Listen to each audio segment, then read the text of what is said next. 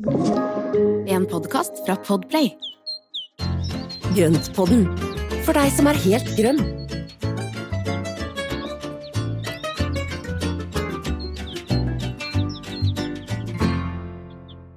Hallo og velkommen til Grønnpodden alle sammen, og til deg Espen, god dag.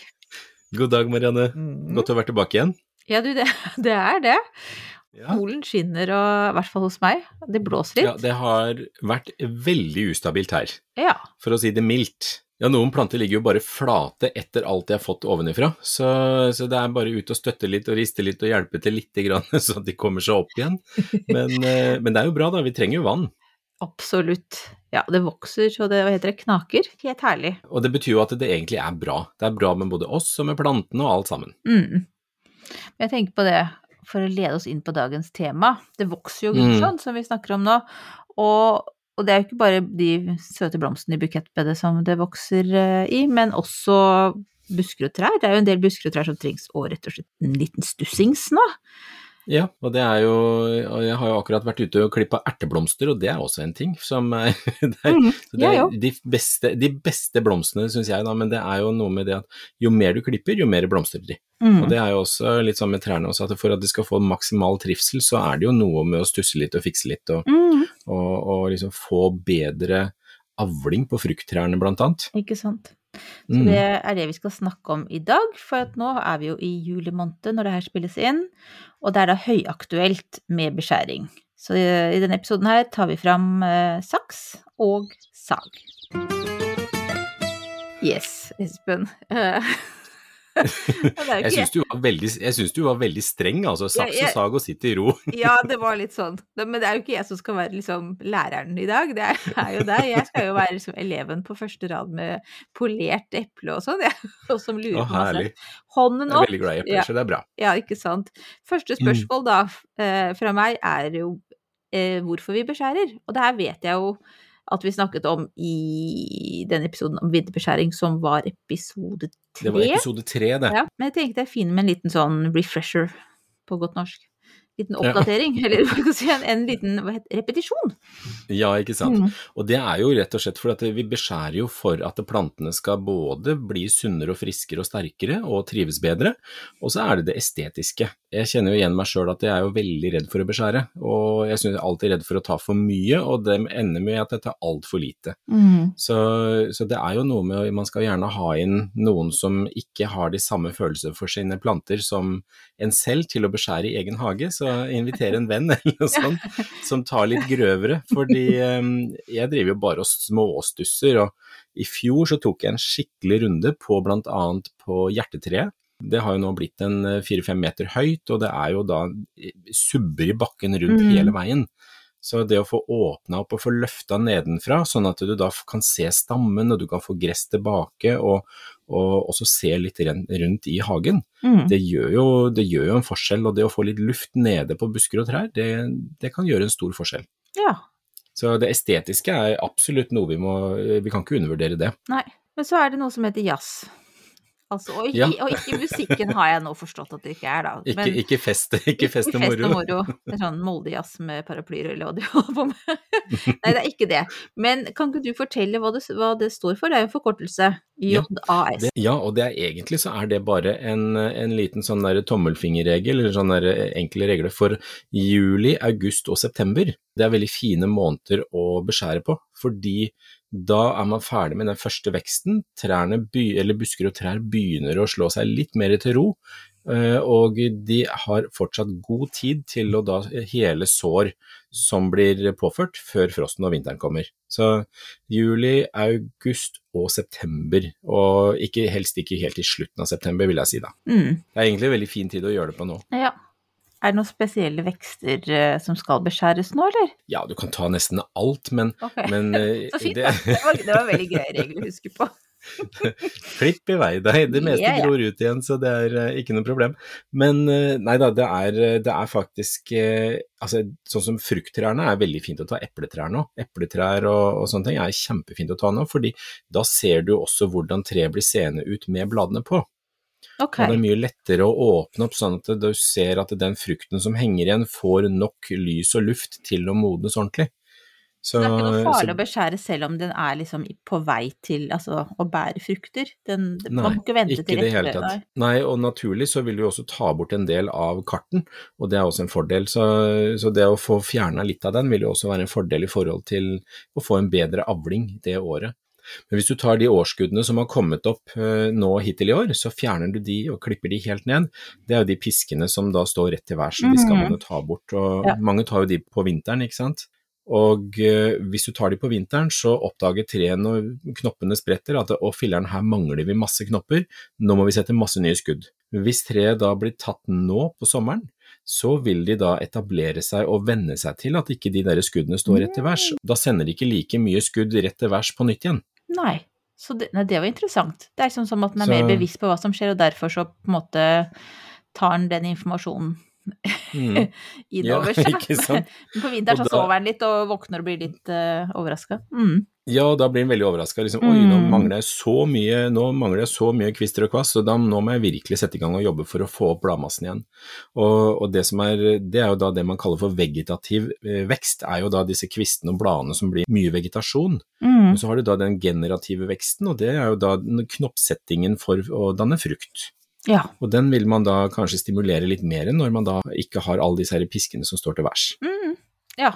Det er flere gode grunner til å, også, å klippe litt eller sage litt, eller hva man Mm. nå har lyst til eller behov for. Så får man i mer, mye mer lys, det- og det er jo lys og luft i krona på egentlig Mm. alle og trær, er jo litt lurt, for at det er jo, eller ikke alle dem, ikke hekker blant annet, de vil man jo gjerne ha tette. Ja. ja. Så det er, eh, det er tenker jeg mer frukttrær og, og kanskje også noen prydtrær. Mm. Er det først og fremst trær du tenker på nå, eller er det også busker? Som min laurbærhegg. Den, den, Ja, den er den har jo jo- også piskerett opp, men den er jo, jeg vil jo også samtidig ha den tett og fin, så, men det er Ja. greit å ta og klippe litt på toppen, er det ikke det? Det er veldig greit. Og en del hekker, de, altså, så, spesielt sånn som tuja og barlin, er jo ting som da kan klippes gjerne to-tre ganger i løpet av sesongen for å holde det tett og fint. Du kan jo si at når du topper en plante, så vil den gjerne sette flere sideskudd, og sånn som laurbærheggen også, hvis du bare topper den jevnlig, så Mm. vil du få en tettere plante. Man må se litt an fra sted til sted, men ofte en tupping av eh, skuddene, det vil eh, gi en mye tettere og frodigere plante, eller tettere og mer buskete plante. Det høres veldig bra ut. Det vil man jo ha. Men skjermer den mye, eller skjuler den, eller dekker den til mye, denne laurbærheggen Altså, din, Altså, har, litt, jeg har litt flere steder, da, men det ene stedet er Her er den jo veldig i veien. Altså, sånn sett fra, eh, fra ginkgoens eh, ståsted, altså ginkgotreets ståsted, som står liksom midt inni en slags Det er sånn en slags parkdel av Høres veldig flott ut, men hagen, det er veldig mye. Det er ikke jeg som har anlagt det her, så jeg kan, jeg kan ikke ta æren for det her. Eh, det så sikkert praktfullt ut en gang i tiden òg, før jeg ramla inn. Men eh, altså, det er Det har vokst seg litt voldsomt til, og ikke under våre år. Men det er som blant annet denne laurbærheggen som da skjermer veldig for ginkgoen. Så den Nei. står jo opp som en liten sånn strek, stakkaren. Så Nei, jeg prøvde å klippe den ned på den laurbær... Jeg har litt lyst til å klippe enda mer ned på den laurbærheggen. Ja, men ta den grovt ned, Ja. sånn at ginkgoen får lys og luft, altså, Ja. for det, ginkgoen må du ta vare på. Ja. Laurbærheggen er jo selvfølgelig også Man skal ta vare på alle planter, men eh, altså, ginkgoen trumfer. Det er det jeg også Den, føler. den trenger hjelp. Ja, altså i begynnelsen, de første årene, nå har vi bodd her i tre år, men de første året så visste jeg jo ikke hva det var for noe. Altså det var bare en sånn, nesten du ikke så den, på en måte, fordi ja, at det var så mye annet. Så jeg har liksom gradvis rydda litt rundt, det er både bambus og noe sånn svært, ja, et eller annet sånn busk som er blitt til tre, jeg vet ikke helt hva det er. Eh, og denne heggen da, så den står liksom omringet av, eh, av store vekster. Så nei, men da skal Ja. jeg ta og fremme Grovsaksa. Grovsaksa. Altså, få, få, Mm. få åpna opp, sånn at den da får litt lys og luft. Ginkgoen, det er jo eh, Jeg vet ikke, vi har vel ikke snakka så mye om ginkgo før, men ginkgo er jo det man kaller også tempeltre. Mm. Og det er jo et, av disse urtreene Ja, som da sant? er fra dinosaurenes tid. Og Mm. egentlig så er jo disse bladene som ser ut som fiskefinner, det er, etter det hva jeg har lest, så er det barnåler. Så det er bare en utvikling av nålene på et baretre. fantastisk. Så, og den brukes jo også veldig mye i naturmedisin, og den har jo da en veldig god effekt i forhold til det. Eh, Det blir også kalt for hukommelsestre. Ved å ta da naturmedisinpreparat av ginkgo, så vil du øke blodgjennomstrømningen i kapillærårene, altså de tynne, bitte små årene, og også i hjernen. Det hørtes veldig bra ja.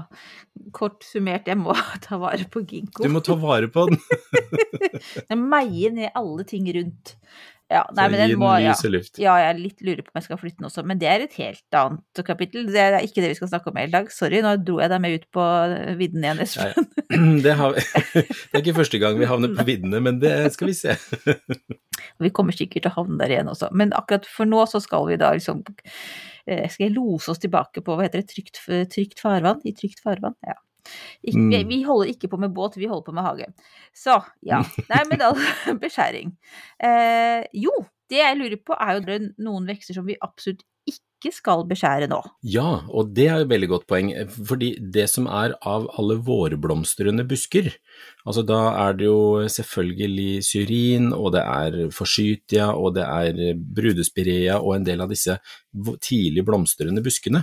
Hvis du tar de på sensommer og høst, så fjerner du også blomsterknoppene. Ja. Så blomsterknoppene de er jo det, det blir jo dannet utover sommeren, og så ligger de klare og venter for å kunne blomstre tidlig på våren. Mm. Og samme gjelder magnolia, hvis man da av en eller annen merkelig grunn skal finne på å beskjære en magnolia, så er det også veldig Da, da bør det tas umiddelbart etter blomstring. Mm. For å gi den tid Så- til liksom å, å, å måte lege seg selv, da. Eller hva Ja. skal si. Ja. Og, og etablere nye knopper, Mm. for at hvis du tar den umiddelbart etter blomstring, så vil plantene ofte å rekke å ansette nye blomsterknopper før eh, høsten kommer. Det er egentlig litt av, grunnen til at man skal beskjære umiddelbart etter blomstring på vårblomstrende busker. Mm. Men det er ikke for sent å gjøre det nå. Eller Nei da, det går greit. Vi er liksom det kan hende at det blir litt mindre blomster, men uh, ellers så kommer det igjen året etter. Så okay. de kommer tilbake, det er Ja, ikke noe krise. ja, ja, ja. Men altså, skulle helst ha gjort, men kan også gjøre noe. Greit.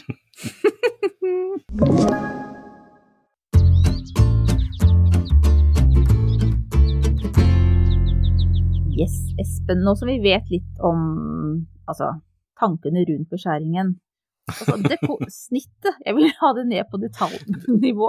Oi, det, det litt vanskelig å forklare, men oi, nå ble jeg stressa her. Det er eh, Det hørtes veldig strengt ut igjen, men det, det Nei da. Sorry. jo, men altså, hvordan beskjærer vi korrekt, da? Eh, og nå husker nei, men jeg det- egentlig litt fra episode 1 til eh, 3, men jeg, altså, nå husker jo jeg da at jeg ikke liksom skal klippe langt ut på en grein. Ja, Er det en sånn god det- ja, innledning er- for ja, deg? Ja, det er veldig, god, veldig bra. Nei, det er jo noen ting man skal tenke på når man beskjærer. For det første, ha ordentlig verktøy. Ha redskap som er skarpt og rent og ordentlig, og, og ikke under, underdimensjonert.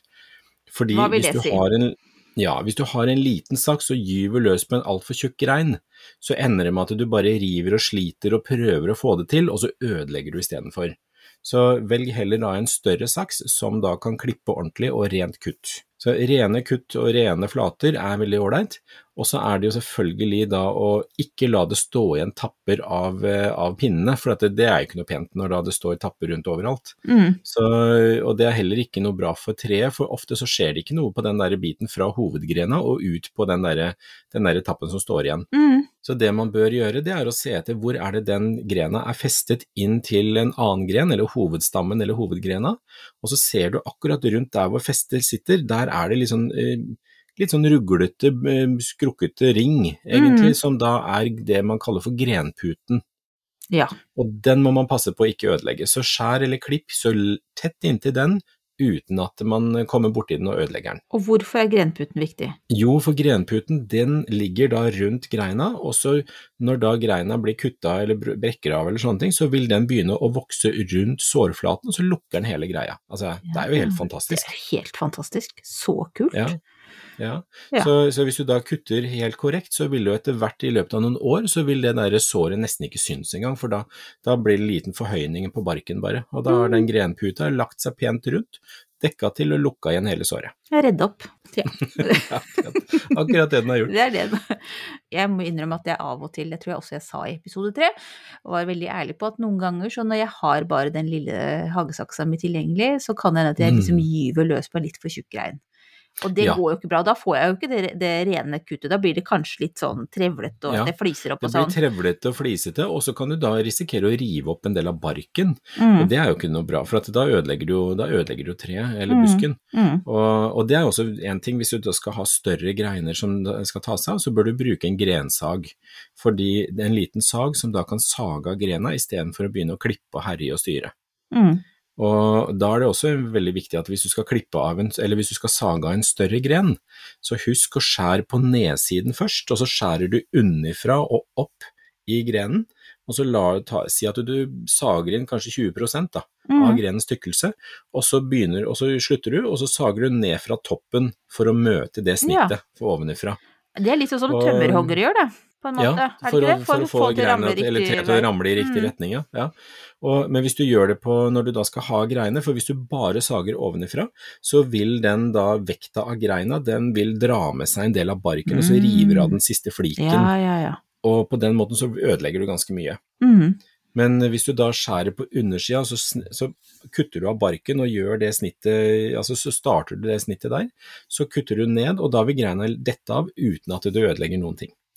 Og når vi tenker altså ødelegging igjen, så er det det at det kan føre til at det kan komme bakterier og Altså det kan Ja, bli ja, liksom etterkonsekvenser for, eh, for treet, da, eller for den veksten som du holder på med. Ja, Mm. For du river jo da av en del av barken, og da river den i stykker grenputa, og det ødelegger ganske mye. Og, og, og du kan jo si at det ofte så går det jo greit, men eh, det er jo mye større risiko for at det blir angrepet av sopp og råte og sånne ting. Mm. Så, og så er det en annen ting med, med, med beskjæringen, at det ikke beskjær sånn at du har snittflater som ligger vannrett. Nei, eh, alle ja. snittflater bør Mm. ligge litt på skrå, for at det, det er jo rett og slett for at vannet skal kunne renne av. Mm. Og, og hvis du da skjærer da eh, grener som går rett til værs, så husk å ha en liten helning sånn at vannet renner av. Ja, Det er et bra tips. Og det er spesielt da når det da blir frost og det blir, eh, blir vinter, at det ikke blir liggende vann oppå som da sprenger og ødelegger vevet. Mm. Så, det, er ganske, det er også en, en, en viktig ting å ha en liten helling på snittflatene. Så det er litt å tenke på, da, men vi kan jo bare sånn raskt oppsummere foreløpig her, sånn, så tenker jeg det viktigste er rene kutt, og så Mhm. at de er skrå, og at man skal klippe mm. så langt inn man kan, men Mhm. ikke klippe over grenputa. Ja. Ja, takk. Er Da er, du, da er det veldig, veldig godt oppsummert. Og så, og så har du selvfølgelig annen beskjæring, da. det er jo da hekker, hvor da bruker man jo da her, en sånn hekksaks, enten om du bruker en sånn manuell som du klipper med, sånn med stort Mm. blad, eller at du bruker en elektrisk en. Det er jo også veldig greit, så Ja. kan du bare suse rundt med den, og Ja. litt lettere å få det rett med en, en elektrisk. Så det er innafor det. Altså, jeg ja, ja, sånn. For jeg, jeg er veldig glad i vår eh, hekksaks, som er veldig elektrisk. Mm. Og så tenker jeg som ser liksom disse japanerne som klipper én og én og velger ut liksom den skal bort og den skal bort og sånn, og det har jo ikke jeg tid til.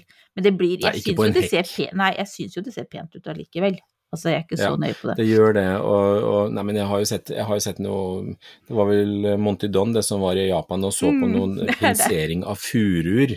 Og de, de, de klatra jo rundt i, i tau og trakk ut én og én barnål i et enormt furutre. Mm. Så de brukte jo, de brukte jo altså dagevis på det der greiene der. Jeg kjenner jeg blir stressa bare på tanken. Altså, det er, Nei, men det er jo litt meditativt òg, hvis du bare jo. Hvis du er hvis du sånn klarer å anlagt, så er roe det deg jo med det. Hvis du har liksom fått kontroll på resten av kaoset i hagen, så kan du unne deg det der sånn. Ja, Jeg jeg vet at du er litt mer der, for du er jo liksom eh, Du har litt kontroll. de er ikke helt Nei, vet du hva, jeg eh, har, det er mye jeg ikke har kontroll over, så kan jeg love deg. Det er, det er mye, mye som, som eh, går litt over stokk og stein her også, ser jeg. Så, så nå, hadde Men du de- nå hadde du en gyllen mulighet til liksom å få sånn opphøyd status. Å ja, sånn, å filler'n. Jeg tok den ikke. nei, nei, er bra, det. for jeg har, her, er det, her er det noen av delene av hagen som er veldig på stell, og så er Mm. det andre deler av hagen som går litt for lut og kaldt vann. For jeg tenker at det der har jeg ikke tid til å styre for mye akkurat nå. Nei, og det er Men- akkurat sånn jeg har òg. Ja. Ja, men der tenker jeg at grunnplantinga og grunntingene er på plass, så da kan det stå og surre og gå der som Mm. eh, på egen hånd, Mm. uten at jeg behøver å gjøre så mye annet enn at jeg bør, kan kikke til en gang iblant. Så Ja. det er liksom litt sånn man, jeg tror det er lurt, ja, jeg syns det er lurt å ha hage på den måten, for da slipper jeg å stresse så mye. Ja. Du kan, så, ikke, du kan ikke mestre alt hele tiden.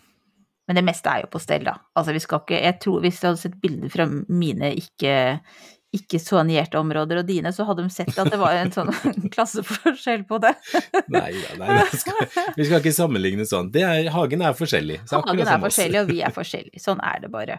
Uh, Mm. ja, nei, unnskyld, nå er vi tilbake igjen til å være langt Nå er vi veldig langt ut på Ja, viddene. veldig- Ja, skal vi se. Ja. Jo, det er fordi Det var beskjæring.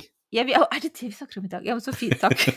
ja, fordi nå beskrev det jo, selv om vi, vi vet jo stort sett hva vi skal gjøre, men Mm. det er jo visse ting som kan bli, føles litt sånn komplisert. Altså er det, Mm. er det noen tilfeller der vi bør eh, eh, leie inn en proff? Ja, absolutt. Mm. Og det er jo rett og slett når du skal ha ned større trær. Eh, hvis ikke du har erfaring med det selv, eller kjenner noen som har gjort det før, så vær forsiktig og, og få heller inn en spesialist på, på trær. Mm. En Og det er jo da arborist. ja, en arborist, ja. Ja fint Ja. ord. Mm. Det er, det er en veldig fin, fin tittel, altså. Mm. Og arboristen, den, eh, altså, han eller hun kan jo da mye av dette her, eller kan jo alt om da trær. De har spesialisert seg på trær, hvordan å gjøre det, og hvordan man skal håndtere de. Eh, Både med sykdom, men også beskjæring og felling og alt sammen. Og det er jo ganske gøy å se dem i sving når de skal ta ned et tre. Helt fantastisk. Det er Det er bedre enn liksom- Netflix. Altså det er Ja, men det er et show, for særlig hvis det er litt stort tre, så begynner det liksom høyt, høyt oppe. Ja. Og så liksom de bare danser oppover og nedover. Nei, det, jeg syns det faktisk er veldig gøy. Det inviterer hele familien, bake kake og koke kaffe og sitte og se på. Helt enig. Absolutt utnytte det liksom, til både noe praktisk og underholdning. Ja. Ja, nei, det, er, det er verdt investeringen, og, og, og det er jo altså Jeg vet jo folk som har falt ned og skada seg ganske stygt på å beskjære selv, Mm. og, og ting kan falle ned når du da eh, de er, Altså, tre, trestokker er tunge, altså. Mm. Det er fryktelig mye vekt som kommer deisende ned også. Ja. Så um, vær forsiktig og ikke ta og gyve løs på ting som man ikke har eh, ja, ikke har helt kontroll på. Ja. Nei, hvis du føler litt uro i magen over at du skal felle et tre, da er det kanskje lurt å tenke seg om en gang til og Ja, kanskje få Ja, det er det, altså. Mm. Ja, og, og, men jeg tenker uansett om du skal da klippe bare epletreet ditt, eller om du skal klippe, klippe små busker og små trær, selv om du bare står på en liten gardintrapp, så vær forsiktig og, og tenk hele tiden at du sikrer deg. Ha gjerne hjelp til å støtte stigen og ta på deg, ta på deg sykkelhjelm eller et eller annet for å være liksom forsiktig. Ja, nei, men jeg mener det er, det er viktig å sikre seg, altså, for det, det kan skje ulykker også selv på små, små trær. Ja, jeg er helt enig med deg. I fjor så beskjærte vi pæretreet, og da sto Mm. Ja. pappa, min far, sto og holdt på stigen. Vi hadde lagd liksom en sånn en spesialkonstruksjon med to stiger som liksom var satt sammen. Så var han ikke Ja. helt, jeg vet, tror ikke han var helt sikker på hvor godt den holdt, så da sto han der og holdt godt mens jeg klatra høyt opp. Det gikk kjempefint, altså. Det var jo solid som så bare det, men det var, skulle gjerne skulle gjerne hatt et bilde av det. Ja, men det skjønner jeg Jeg hadde ikke på meg hjelm, men ellers så var vi ganske sikre der. Mm. Ja. Nei, jeg fikk hjelp av pappa til å ta ned en, en, en død bjørk her i hagen i, i vinter, og det gikk egentlig veldig, veldig fint. Han har jo tatt ned mye trær før og, og har mye erfaring på det, og da, da tok han eh, og geleida, og jeg klatra opp, og så sagde vi av bit for bit og Mm. fira det ned, og det gikk jo veldig kontrollert og fint. Ja. Så det, er, det, går, det går også bra. Men Mm. eh, jeg hadde på meg hjelm. Jeg hadde på sykkelhjelm, Ja. og jeg hadde bindet tau rundt brystet og i trestammen under. Sånn Ja, at jeg da, jeg hvis noe, hvis noe skulle skje, Ja. så ville jeg henge igjen der oppe. Så Det var en litt annen høyde enn det pæretreet, da. Jeg bare tillegger at det er ikke så stort, stort pæretre, altså. Nei, men Ja, eh, ja. Nei, men det altså, det er veldig beskjæring i ytterste konsekvens er jo felling, og det, Ja. da, da, da anbefaler vi å få hjelp. Så det. Ja. Ja, det er litt sånn eh, i forhold til verktøy som vi trenger, da. Det er jo bare, så hvis vi skal ta en kjapp, eh, kjapp gjennomgang av verktøyet, det er jo Mm. da en liten sekatør, en skarp en, som da har, eh, har skjær i begge ender, sånn at den da kutter fra begge sider, og ikke det er en som er flat på den ene sida, for da knuser du eh, kvisten. Eh, og så trenger du da gjerne litt større hagesaks, som Mm. da har litt lengre, lengre stenger og lengre håndtak, for å da få et større kraft i, i bittet. Og da bruker man liksom begge armene. Da bruker du Ja. begge armene, ja. Mm. Og så trenger du en eh, skarp og god grensag. Og må man, må man slipe disse tingene her. Altså jeg, ja, det, vi har Veldig slipestein, men Ja, det er jo det, for jeg har jo forstått at jeg ikke kan kjøpe meg nye. Så sekatører hver gang den andre blir sløv, så jeg har jo eh, Jeg har fått en slipestein av pappa. Ja, men så bra.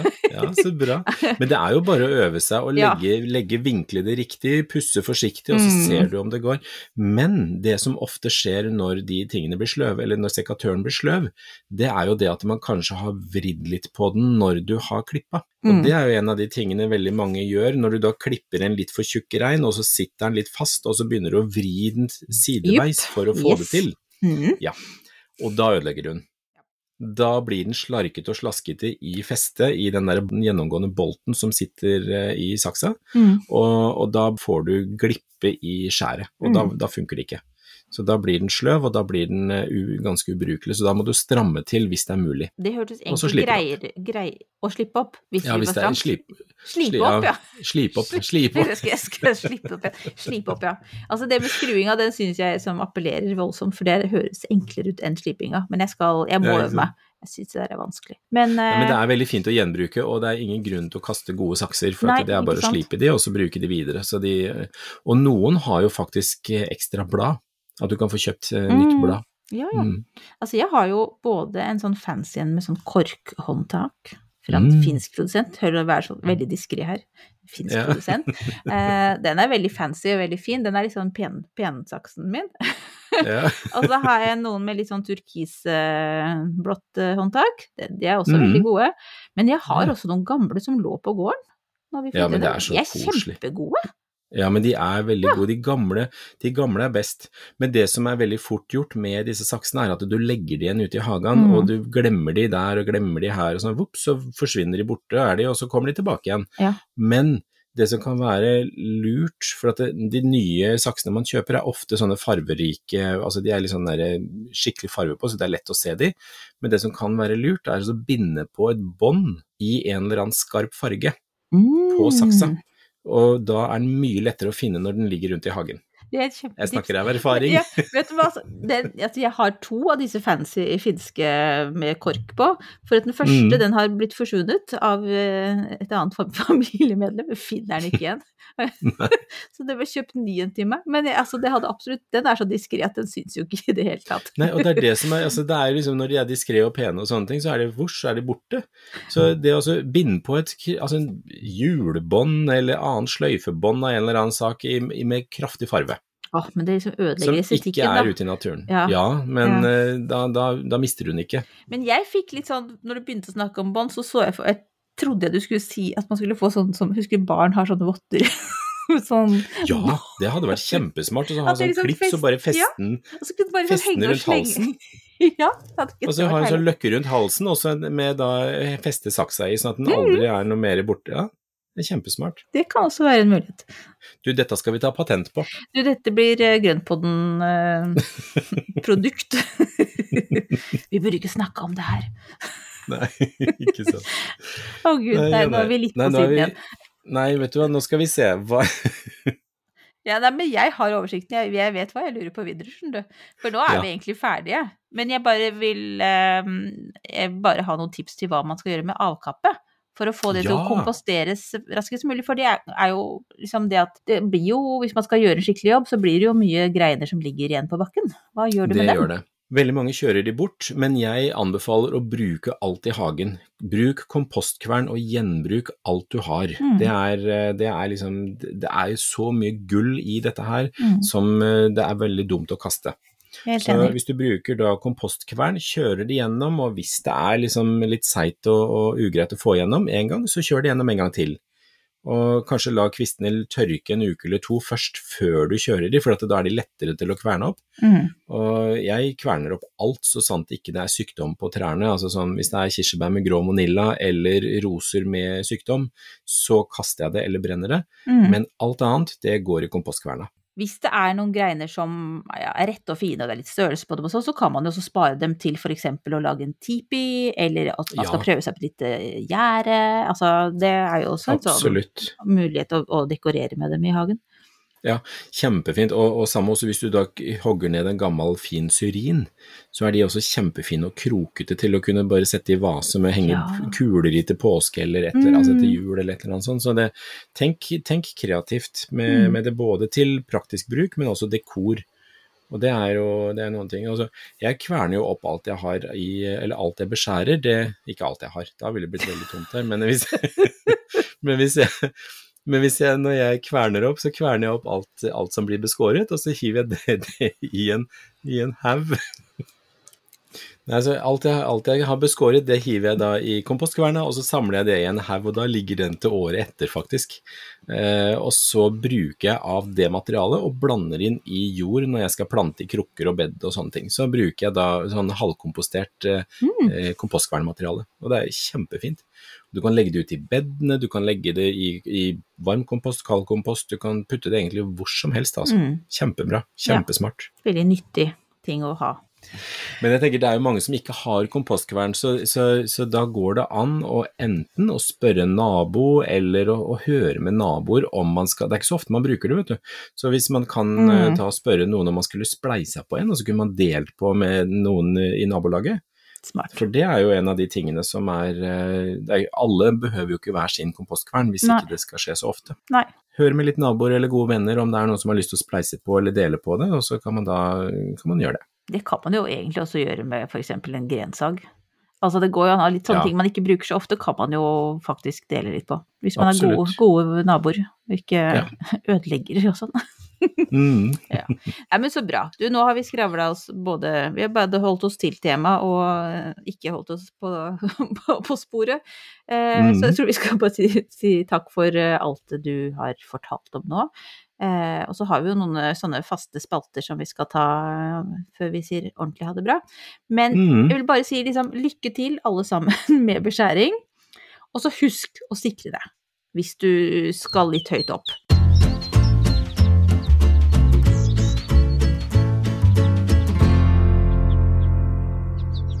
Ukas plante heter albu...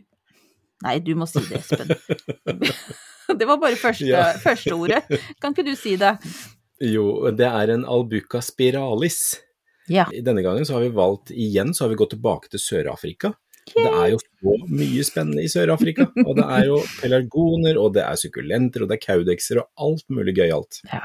Så albuca spiralis, det er jo en, eh, en sukkulent eh, som er eh, det ser ut som om du har tatt alle bladene og hivd de på sånne der hårruller og latt og føna det godt, og lar det stå der.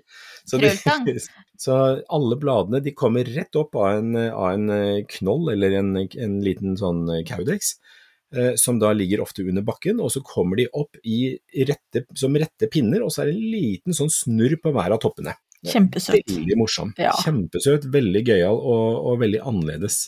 Så jeg kjøpte en sånn en tidlig i eh, våres, og heldigvis så fikk jeg jo da, eller jeg var heldig som fikk da en med faktisk knopp på gang. Og den er blomstra i sommer med da tre kronblader ut, og så er det en liten sånn rar tutt under, og så lukter de litt sånn merkverdig. Ja, ok. Det lukta de, jeg ble, vant med, jeg, ble, jeg ble vant med det. De- Den sto i drivhuset og blomstra, og ja, den, det lukter ikke erteblomster, kan du si. Nei. Nei, Nei, ok. den lukter litt, sånn, litt stramt og litt rart, men veldig gøy. Mm. Hvor stor blir den da? Eller altså hvor Nei, den er ikke så stor, skjønner du. Den er jo ikke mer, kan være 15 cm høy med bladene. Oh, ja. Så det er en ganske liten Ja. plante, men Mm. eh, den blomsterstilken den blei jo borti 40 cm, så den var jo kjempehøy. Ja. Høy, fin med masse fine grønne, sånn gulgrønne blomster på. Mm. Så nei, den lukta jo ikke vondt. Det er, det er dårlig gjort å si at den gjorde det, for det gjorde den ikke. Den lukta Så så den, den- gjorde. Den kan jo ikke noe Ja, for den lukta som den gjorde. Nei. Ja, sånn er det. Vi er Så- alle Men forskjellige. den var Ja, ikke sant. Men den er veldig fin, og den er en veldig annerledes, uh, annerledes plante. Så albuca spiralis. Er den lett tilgjengelig? Bare avslutte Den med det. Finnes Finnes Ikke den? veldig. Nei. Den fins å få tak i. Så Ja. hos noen forhandlere som, eh, som har det, og gjerne da de som er spesialiserer seg på sukkulenter og kaudekser, Mm. så, så kan man få tak i det. Og så kan man Og kanskje man- spørre, tenker jeg. Og hvis man i den butikken du er vant til å gå i, ikke har, har det tilgjengelig, så kan vel hende at de kan tipse deg om et annet sted der du kan få tak i det.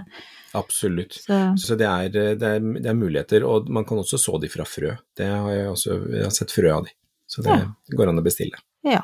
Nei, men da sier vi takk til Spiralis. Og går videre til ukens spørsmål. Da er det Den her var, traff meg også, for at det handler om georginer som ikke blomstrer. Altså som er liksom ferdige og, sto, og er store og fine. Nå la jeg litt følelse i det, skjønte jeg. altså, hvorfor blomstrer de ikke? Jeg har én type, det heter Ottos Thrill. Den er liten, Ja. den blomstrer som bare det, men de der store, praktfulle, de er bare store. Ja. Store og fine med masse blader. Ja. Mm. Nei, det er, det er, et veldig veldig godt spørsmål, og jeg har jo opplevd det sjøl også. Og det er hvis det er nye, eller veldig ofte hvis det er nye knoller, så kan det hende at de trenger et år på å bygge seg opp og bli store og sterke før de blomstrer. Å, oh, herregud. Eh. altså, det sto ikke på forpakning. Nei, det gjør ikke det. Og, det, og jeg, ser, jeg, har jo, jeg, har jo, kjøpt såpass mye georgineknoller opp igjennom at jeg vet jo at jeg, mm. jeg, ser jo en del av de knollene som er, så er de det er liksom mye knekt og brekt, og, og, og, de er litt sånn tufse, en del av de knollene. Mm, mm. Og uh, det er ikke alltid at det er nok til å gi nok krefter for en blomstring det første året. Mm. Men Eh, nå er vi fortsatt ganske tidlig på sesongen, så det er, jo, det er, jo, flere gode måneder igjen med vekst. Så jeg vil anbefale å gi den godt med næring og godt med, med fuktighet, og gi den de beste mulige forholdene den kan ha. For det, det, kan godt være at den setter blomster da litt senere på sesongen, ja, ja. når den da har fått klart å bygge seg opp og bli stor og kraftig nok. Ja. Noe, så da... ikke gi opp. Nei, og så er det jo type næring, fordi at noe næring gir mer blader, og så er det noe som gir mer blomster. Så da må man velge den næringen som gir mest. Det ser man jo på forpakningen. Altså der får man jo bare, ikke sant. Altså Bruk, ja, bruk da en blomstergjødsel, og det er, jo, det er jo forskjellige typer av det. Men, eh, men jeg bruker jo da en god neve med hønsemøkk. Mm. Altså sånn granul, sånne pellets mm. av hønsemøkk, eller helgjødsel. Og så dytter jeg det ned rundt, og krafser det ned i jorda rundt hver enkelt plante. Ja. Mm. Og det kan da gjerne gjøres et par ganger utover nå sesongen. Altså. Så mm. ta gjerne en god runde med gjødsel nå. Nå når det regner såpass mye, så er det egentlig veldig fint å hive på gjødsel. Mm. For da vil det også lettere tas opp og fordeles i jorda, og tas mm. opp i planta. Så nei, men jeg ikke gi opp. Og jeg har jo hatt en georgine som jeg har venta på i to år. Den kom ikke første år, og så kom den ikke andre år, men tredje året så kom den. Ja, du er en tålmodig sjel, altså. Ikke for å, å, være demotiverende, men det kan, kan gå bedre. Men uh, den fikk aldri noe ordentlig fart på seg de første par årene, altså. Nei, jeg syns jo egentlig det er litt hyggelig at du på en måte har skjermet oss for dette her. Vi hadde jo en Georgine-episode. vi var ikke inne på det her nå. Jeg syns egentlig det er litt hyggelig, for da har vi i hvert fall satt i gang. Og det er vel liksom nå som vi har sett at det i hvert fall er liv i disse knollene, så mm. tenker jeg at hvis det aldri kommer noe blomst i år, så er jo mer motivert til å prøve på nytt neste år nå. Så bra. Det var veldig ja. smart av deg. Og igjen, har du en stor og kraftig god plante som er i vekst, så er det stor sannsynlighet for at det kommer med blomster da litt seinere på, på, sesongen. Mm. Så ikke gi opp. Hva gjør vi nå, Espen? Du vet at vi pleier alltid å svinge innom det temaet. Uh... Ja, og det, jeg småklipper, jeg, da. Eller swingnerer i hagen. Det er det, det, er ordet som vi liker så godt. Mm, det å gå rundt og pusle og fikse, og det å gå og holde på i hagen og ta det derre daglige lille oversikten. Dytte litt her, klippe litt der, fjerne et ugras her og der. altså Det gjør jo at man da sparer seg sjøl for masse jobb. Mm, et ugras. For, fordi det går Ett. ja, for det går så fort, og det er jo hvis du da glemmer hagen i 14 dager mm. på ferie, og så kommer du tilbake og ser å filler'n, ja. ting har vokst ut av proporsjoner, og det er ting som må gjøres og sånne ting. Og det hyggelige i det, den hyggelige biten er jo da å kunne plukke erteblomster som jeg snakka, eller som jeg starta med innledningsvis, og plukke litt georginer plukke, når, på de som blomstrer, eh, og liksom holde, holde på mm. med Pusle litt rundt. Småpuslinga. Ja, og fjerne døde blomster, altså fjerne blomster som er visne. Mm. For da er det veldig ofte at det kommer blomster tilbake igjen. Men du, nå har jeg et sånt sidespørsmål. Sorry, alle som hører på, det blir litt langt i dag. Men jeg har jo fått veldig fart på kornblomstene mine. Disse svarte Blackboy så gøy. Ja, ja de er så men, fine. Og så er jeg så stressa, for jeg vet at jeg må prøve å fjerne så mye som mulig fordi at ikke de skal gå i frø, og da stopper alle. Og jeg plukker og plukker, plukker. Det er jo utrolig mye. Det stopper jo Jeg har altså kornblomster i alle buketter, jeg nå. Det er Så bra. Hvor mye må jeg plukke? Ja, det er luksus, men altså, må jeg stresse? Eller kan jeg bare nei, kose meg? Nei, nei, nei, nei.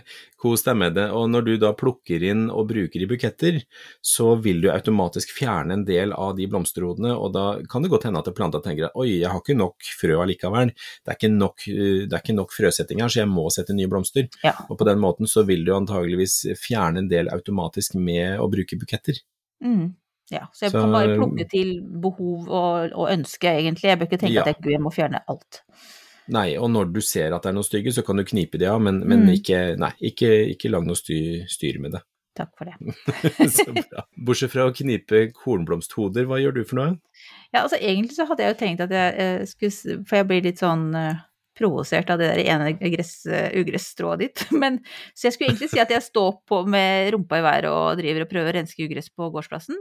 Eh, Men Mm. det er liksom Tenker at det er sånn litt sånn negativt. Jeg gjør det også, men jeg har lyst til å fortelle hva jeg gjorde i går, og det var å eh, kommandere ut hele gjengen her og få lagt en liten sånn skifersti.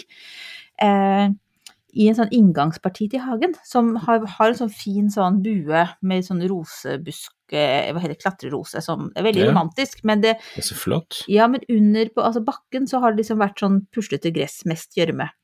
Så da hadde Mm. vi noe skifer eh, til overs, som vi nå har lagt ned i bakken, og det ble kjempefint. Så happy. happy. Så flott, da. Ja, Ja, det er jo kjempebra. Mm. Så jeg bare gleder meg over, uh, over det. Nei, men så bra. Men det er så gøy med sånne prosjekter som du ser sånn umiddelbar effekt av, eller du ser det sånn oi, fra data, eller før og etter, det blir så veldig stor, stor forskjell, og så skjer det med en gang. Mm. Jeg er kjempefornøyd. Elsker sånn eh, quick fix med en gang. Og da tåler jeg liksom en runde til med ugressplukking, altså da går det greit. Vi har spist godt av en time da, i hvert fall, kan vi si. Da er det på tide å runde av. Jeg vil bare fortelle alle hva vi skal snakke om eh, i neste episode. Um, For da er vi litt sånn upraktiske. Da skal vi drømme litt om Mm. grønne oaser og hager. Altså hager Ja. som vi har lyst til å besøke. Ja, så det blir liksom litt, litt, eh, litt forskjellig, plukket ut fra hjertet. Ja, det gleder jeg meg veldig til. Og det er jo det er mange steder man har lyst til å besøke, eller som man da fantaserer om å reise til. Mm. Og det er eh, ja, veldig mye gøy, og veldig mye inspirerende steder som man kan finne rundt omkring, altså. Mm.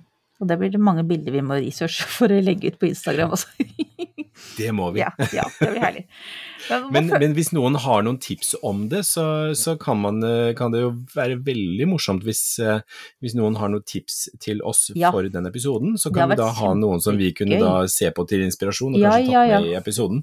Kanskje særlig rundt omkring i Norge. Det er mange perler som ikke vi vet om, så det har vært veldig, veldig gøy. Det er en oppfordring. Eh, og da kan dere bare kontakte oss på, på Instagram og Facebook. Der finnes vi. Vi heter gjør der òg, vi. Eh, Ja. Og gjerne tagg oss hvis dere har noen fine bilder eller eh, noe morsomt som skjer i, i hagen eller på balkongen deres. Men da Mm. er det vel bare å si eh, takk for nå. Ha det bra. Ja, tusen takk for i dag. Hei, hei. Ha det bra.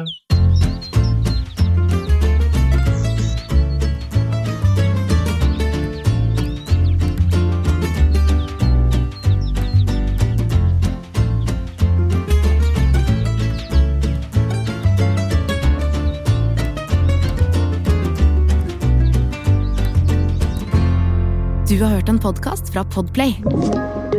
En enklere måte å høre podkast på. Last ned appen Podplay, eller se podplay.no.